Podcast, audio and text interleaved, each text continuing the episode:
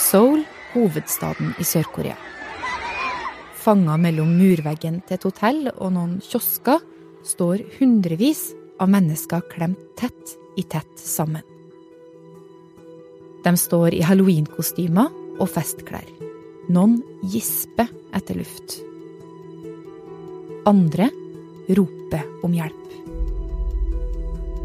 Det som skulle ha vært en halloweenfest, har blitt et mareritt. I eh, Sør-Korea er det landesorg etter halloween-tragedien i går kveld. Så langt er 153 bekreftet døde.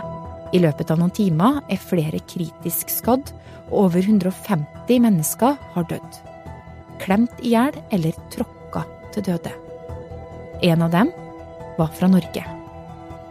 Hva skjedde, og hvordan kunne dette skje?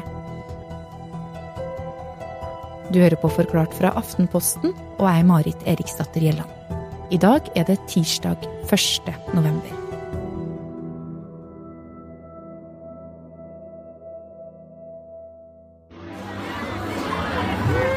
Lørdagskvelden starta som en gigantisk fest i millionbyen Seoul.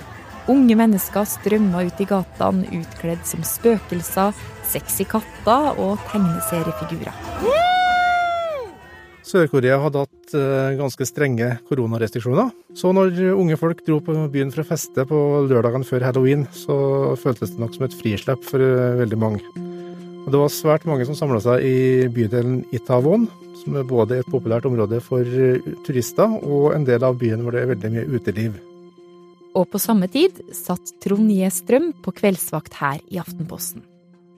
Det var en ganske rolig vakt, og alt var som det pleier å være. Eh, men eh, så begynte det å skje ting. For i utelivsområdet Itaewon er rundt 100 000 mennesker ute og fester.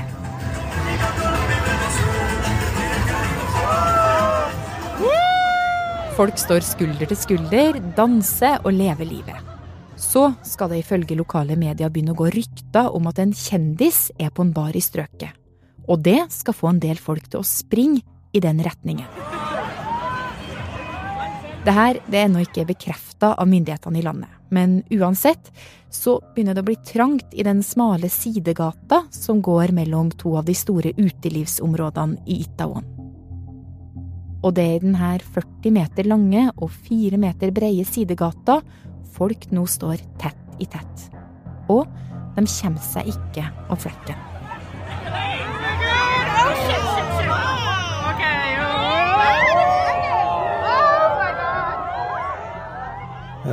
Rapporter som vi fikk fra ulykkesstedet, fortalte også om hvordan eh, det var mye skrik og rop fra de skadde og vennene deres, og du hørte redningsmannskap som eh, fortvilet prøvde å hjelpe folk, samtidig som det fortsatt dundra høy festmusikk ut fra utestedene. Musikken dundrer, og det er vanskelig å høre hva som skjer i den trange sidegata.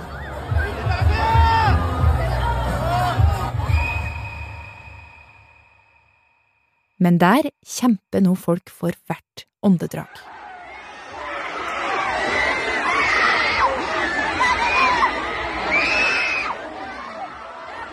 Det er veldig mye folk som har trengt seg inn på et uh, veldig lite område.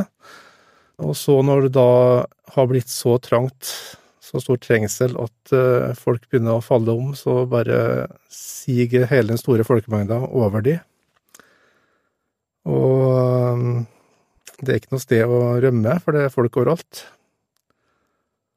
Og dermed blir folk klemt sammen, rett og slett.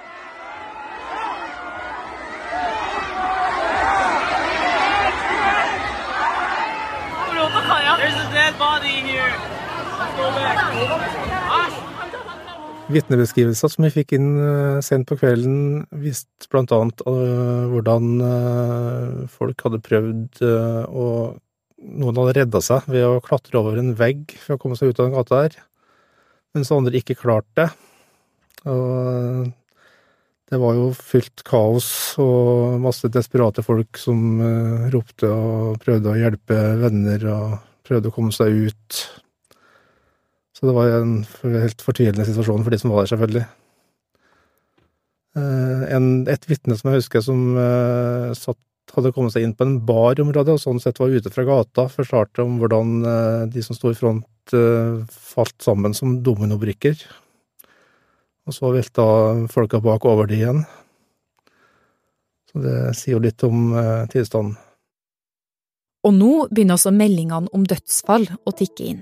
Ifølge en talsmann for nødetatene ble minst 100 mennesker skadet. Og dødstallene er ventet å stige i Sør-Koreas hovedstad Seoul. I løpet av kvelden blir det klart at det som har utspilt seg i den lille sidegata i Itawon, er en katastrofe. En katastrofe som minner veldig om tragedier vi har sett mange ganger før.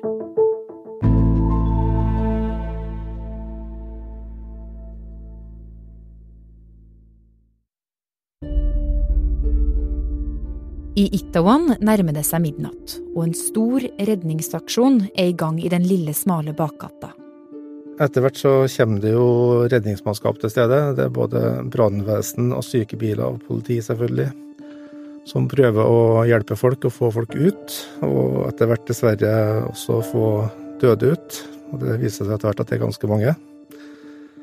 Så det går vel gradvis, vil jeg tro. Jeg har ikke sett noen sånn videoer av nøyaktig hvordan det oppløste seg, men de får vel stadig flere folk bort fra området. Skadde og drepte, og de som ikke er skadde, klarer etter hvert å gå ut sjøl.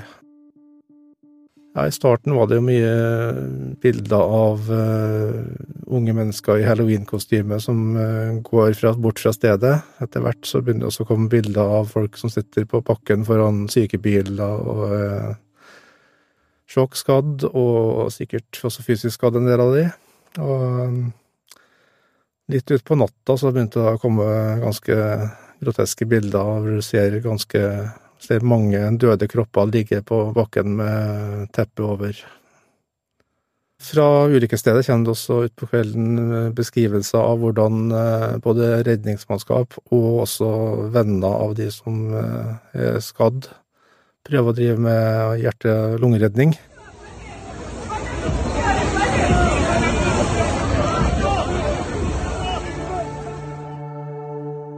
Over 150 mennesker er bekrefta død så langt, og over 30 personer er kritisk skadd.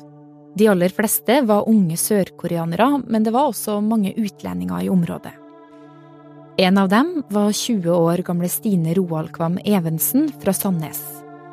Ifølge NRK studerte hun språk i landet og var ute og feira at koronarestriksjonene var oppheva da katastrofen inntraff. Trond, hva skjer egentlig videre nå, da? Statsministeren i Sør-Korea, som heter Han Duk-soo, har lova at det skal bli en grundig etterforskning av tragedien, selvfølgelig. Og han har også erklært landesorg.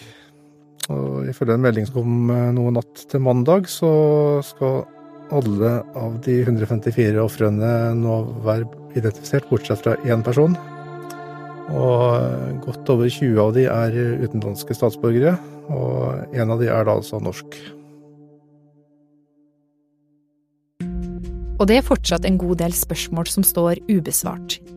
Hele hendelsesforløpet er fortsatt ikke helt klart, og akkurat hvorfor det her endte så katastrofalt, skal altså etterforskes ordentlig. Men likevel så er det mulig å si noe.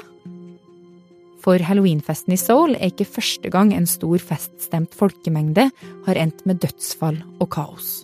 En av de store tragediene i, i, vår tid som minner litt om dette, det er, det er Hillsborough. Eh, massetrengselen i 1989 i England under en fotballkamp der, hvor eh, folkemassene trengte seg sammen og, og, mange ble presset inn mot et gjerde som skilte tribunen og, og fotballbanen. En av de største hendelsene av dette slaget skjedde i Saudi-Arabia i 2015 under hajj, altså pilegrimsreisen, hvor 2400 mennesker ble drept i én tragedie.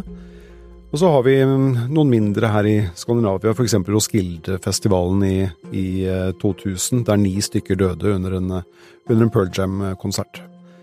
Og så var det jo Astroworld-festivalen til rapperen Travis Scott i fjor, hvor ti personer døde. Kristoffer Rønneberg, du er jo journalist her i Aftenposten og også tidligere Asia-korrespondent. Og som du sier, så har det jo da eh, vært en del sånne her hendelser tidligere, og det her har jo også En eh, forsker, Paul Wertheimer i USA, studert. Hva er det han sier fellestrekkene er da på sånne her tragedier? Altså Man ser på, på denne hendelsen her at den har mange av kjennetegnene til denne type tragedier, for eksempel at det var liten plass, altså dette var et trangt smug, eh, altså 40 meter langt og 4 meter bredt, hvor det var altfor mange mennesker presset sammen uten mulighet til å, til å komme seg ut, og det, det, er jo det fremste kjennetegnet. Et annet kjennetegn er at det var unge mennesker. Eh, de fleste av ofrene her var kvinner i 20-årene. Eh, folk som kanskje ikke er forberedt på at noe sånt kan skje, og som heller ikke vet hva man skal gjøre for å, for å unngå å, å havne i en, i en, sånn situasjon. Eh, og så var det et, et populærkulturelt arrangement. altså Folk var ute på fest, kanskje hadde de skuldrene nede og, og, og igjen skjønte for sent at ting var i ferd med å gå galt. Og dette er ting som man ser på mange av de tilsvarende tragediene før, at dette er kjennetegn som, som går igjen. Nær det trange smuget i Seoul skal det jo også ha gått rykter om en kjendis på en bar i nærheten, som gjorde at noen begynte å springe i den retningen. Og nettopp det her fenomenet er ikke uvanlig. Det er ofte det som kjennetegner denne type tragedier, at det er en utløsende årsak, noen som beveger seg mot noe, eller noen som beveger seg fra noe. At det er en endring i måten folkemengden eh, oppfører seg på. Og fordi de er så tett sammen at de ikke lenger oppfører seg som individer, men som en masse, så gjør den kollektive bevegelsen at, eh, at det da plutselig blir eh, fryktelig farlig. Du er liksom ikke herre over din egen kropp lenger, da? Nei, altså, Mange av oss har kanskje vært i tilsvarende nesten uh, farlige situasjoner hvor man, man, er i folkemengder så tett sammen at man kan, man kan løfte opp beina og, og, likevel stå i samme posisjon. Og så blir man bare drevet med av, av bølgen. Og, og, hvis det da går fra at man står stille til at man plutselig beveger seg fremover, og kanskje i tillegg også nedover, så er det lett å miste balansen og falle. Og har man først gjort det, så er man eh, i, i livsfare.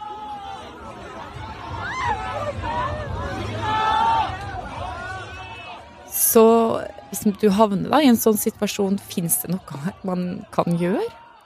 Det er ganske mange ting man kan gjøre, både på vei inn i en sånn situasjon, og hvis den skulle oppstå. Hvis man ser at man er et sted, på et sted hvor det er mye folk, og man tenker at det kanskje kan bli at det er for mange folk, så bør man for det første være veldig oppmerksom på hvor er utgangene. Hvis det skulle skje noe her, hvordan kommer jeg meg ut? Finnes det en sidegate? Finnes det en dør? Er det, er det en mulighet for meg til å, til å, komme meg ut av denne situasjonen på en måte som gjør at jeg unngår fare. Så det er det første. Og det andre, det er å, å gi seg selv albuerom, altså bokstavelig talt, hvis det blir trengsel. Stikk albuene ut eller foran deg, altså, eller opp, eller altså bare sørg for at du har litt plass rundt din egen kropp, sånn at du har muligheten til å kunne puste hvis det blir for, for trangt. Men Kristoffer, nå er det jo da fortsatt ganske mange ubesvarte spørsmål rundt hva det var som skjedde denne katastrofale kvelden, og hvorfor det ble så farlig. Eh, likevel, altså, hvordan påvirker det her et land som Sør-Korea? Hele Sør-Korea er jo i, i, sjokk nå, og en av grunnene til at det har blitt så voldsomt for hele befolkningen, det er at det finnes så mange videoer og, og, og opptak av hva som skjedde, altså både mens det skjedde og etterpå. Eh, så man kan se, eh, hvis man ønsker det, kan man gå inn på sosiale medier og få med seg nesten hele tragedien tragedien altså, som den utspilte seg. Og det, det, er det mange som har sett på, og mange som har blitt veldig preget av, fordi de er skrekkelige, disse, disse videoene. Så det har oppstått en diskusjon både om hvordan det påvirker befolkningen, og, og, og, også en del kritikk mot både de som filmet, fordi de filmet og ikke, ikke hjalp til, og også de som legger det ut på sosiale medier, fordi det, det gir en sånn Eh, et massetraume for hele befolkningen da, som, som, kommer til å, til å, prege dem i, i, lang tid fremover. Så det, det, er en ting som, som er tydelig nå i, i kjølvannet. Uh, av mer praktiske ting så er jo alt av halloweenfester avlyst i, i Sør-Korea, og i hvert fall i Seoul. Og, og, dette vil jo være noe som preger fremtidige halloweenfeiringer også i, Seoul. Uh, og det, dette blir jo ikke en, en tragedie de kommer til å glemme med det første. Men Kristoffer, nå skjedde jo det her igjen nå i Sør-Korea, og så har du sagt at det har skjedd eh, lignende ting andre steder i verden tidligere. Altså, lærer vi noen ting av det her i det hele tatt? Man kan jo håpe at i Seoul så har man lært at trange smug, sånn som denne hvor, hvor, tragedien skjedde, at der må man passe seg eh, før man inviterer til, til folkefest i, i gatene, og, og sørge for at, uh, at, man har fluktmuligheter, og at eh, kanskje noen bidrar til å, til å, sørge for at det ikke blir for trangt. Men det er jo sånn at vi mennesker liker å, å være sammen, og, og vi liker å, å, gjøre sosiale ting sammen. Av og til så kan det da bli for mange mennesker på, på ett sted. Det er nok helt umulig å unngå denne type tragedier i, i fremtiden. Men det, det, er viktig at når man er i en situasjon, at man i hvert fall har tenkt tanken på hva man skal gjøre for å, for å komme seg ut av den.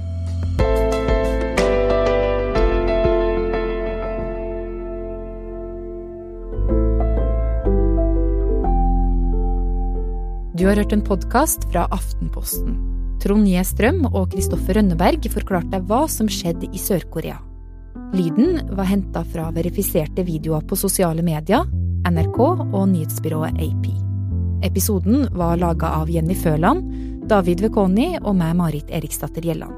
Resten av Forklart er Anne Lindholm, Fride Næss Nonstad, Synne Søhol og Anders Sveberg.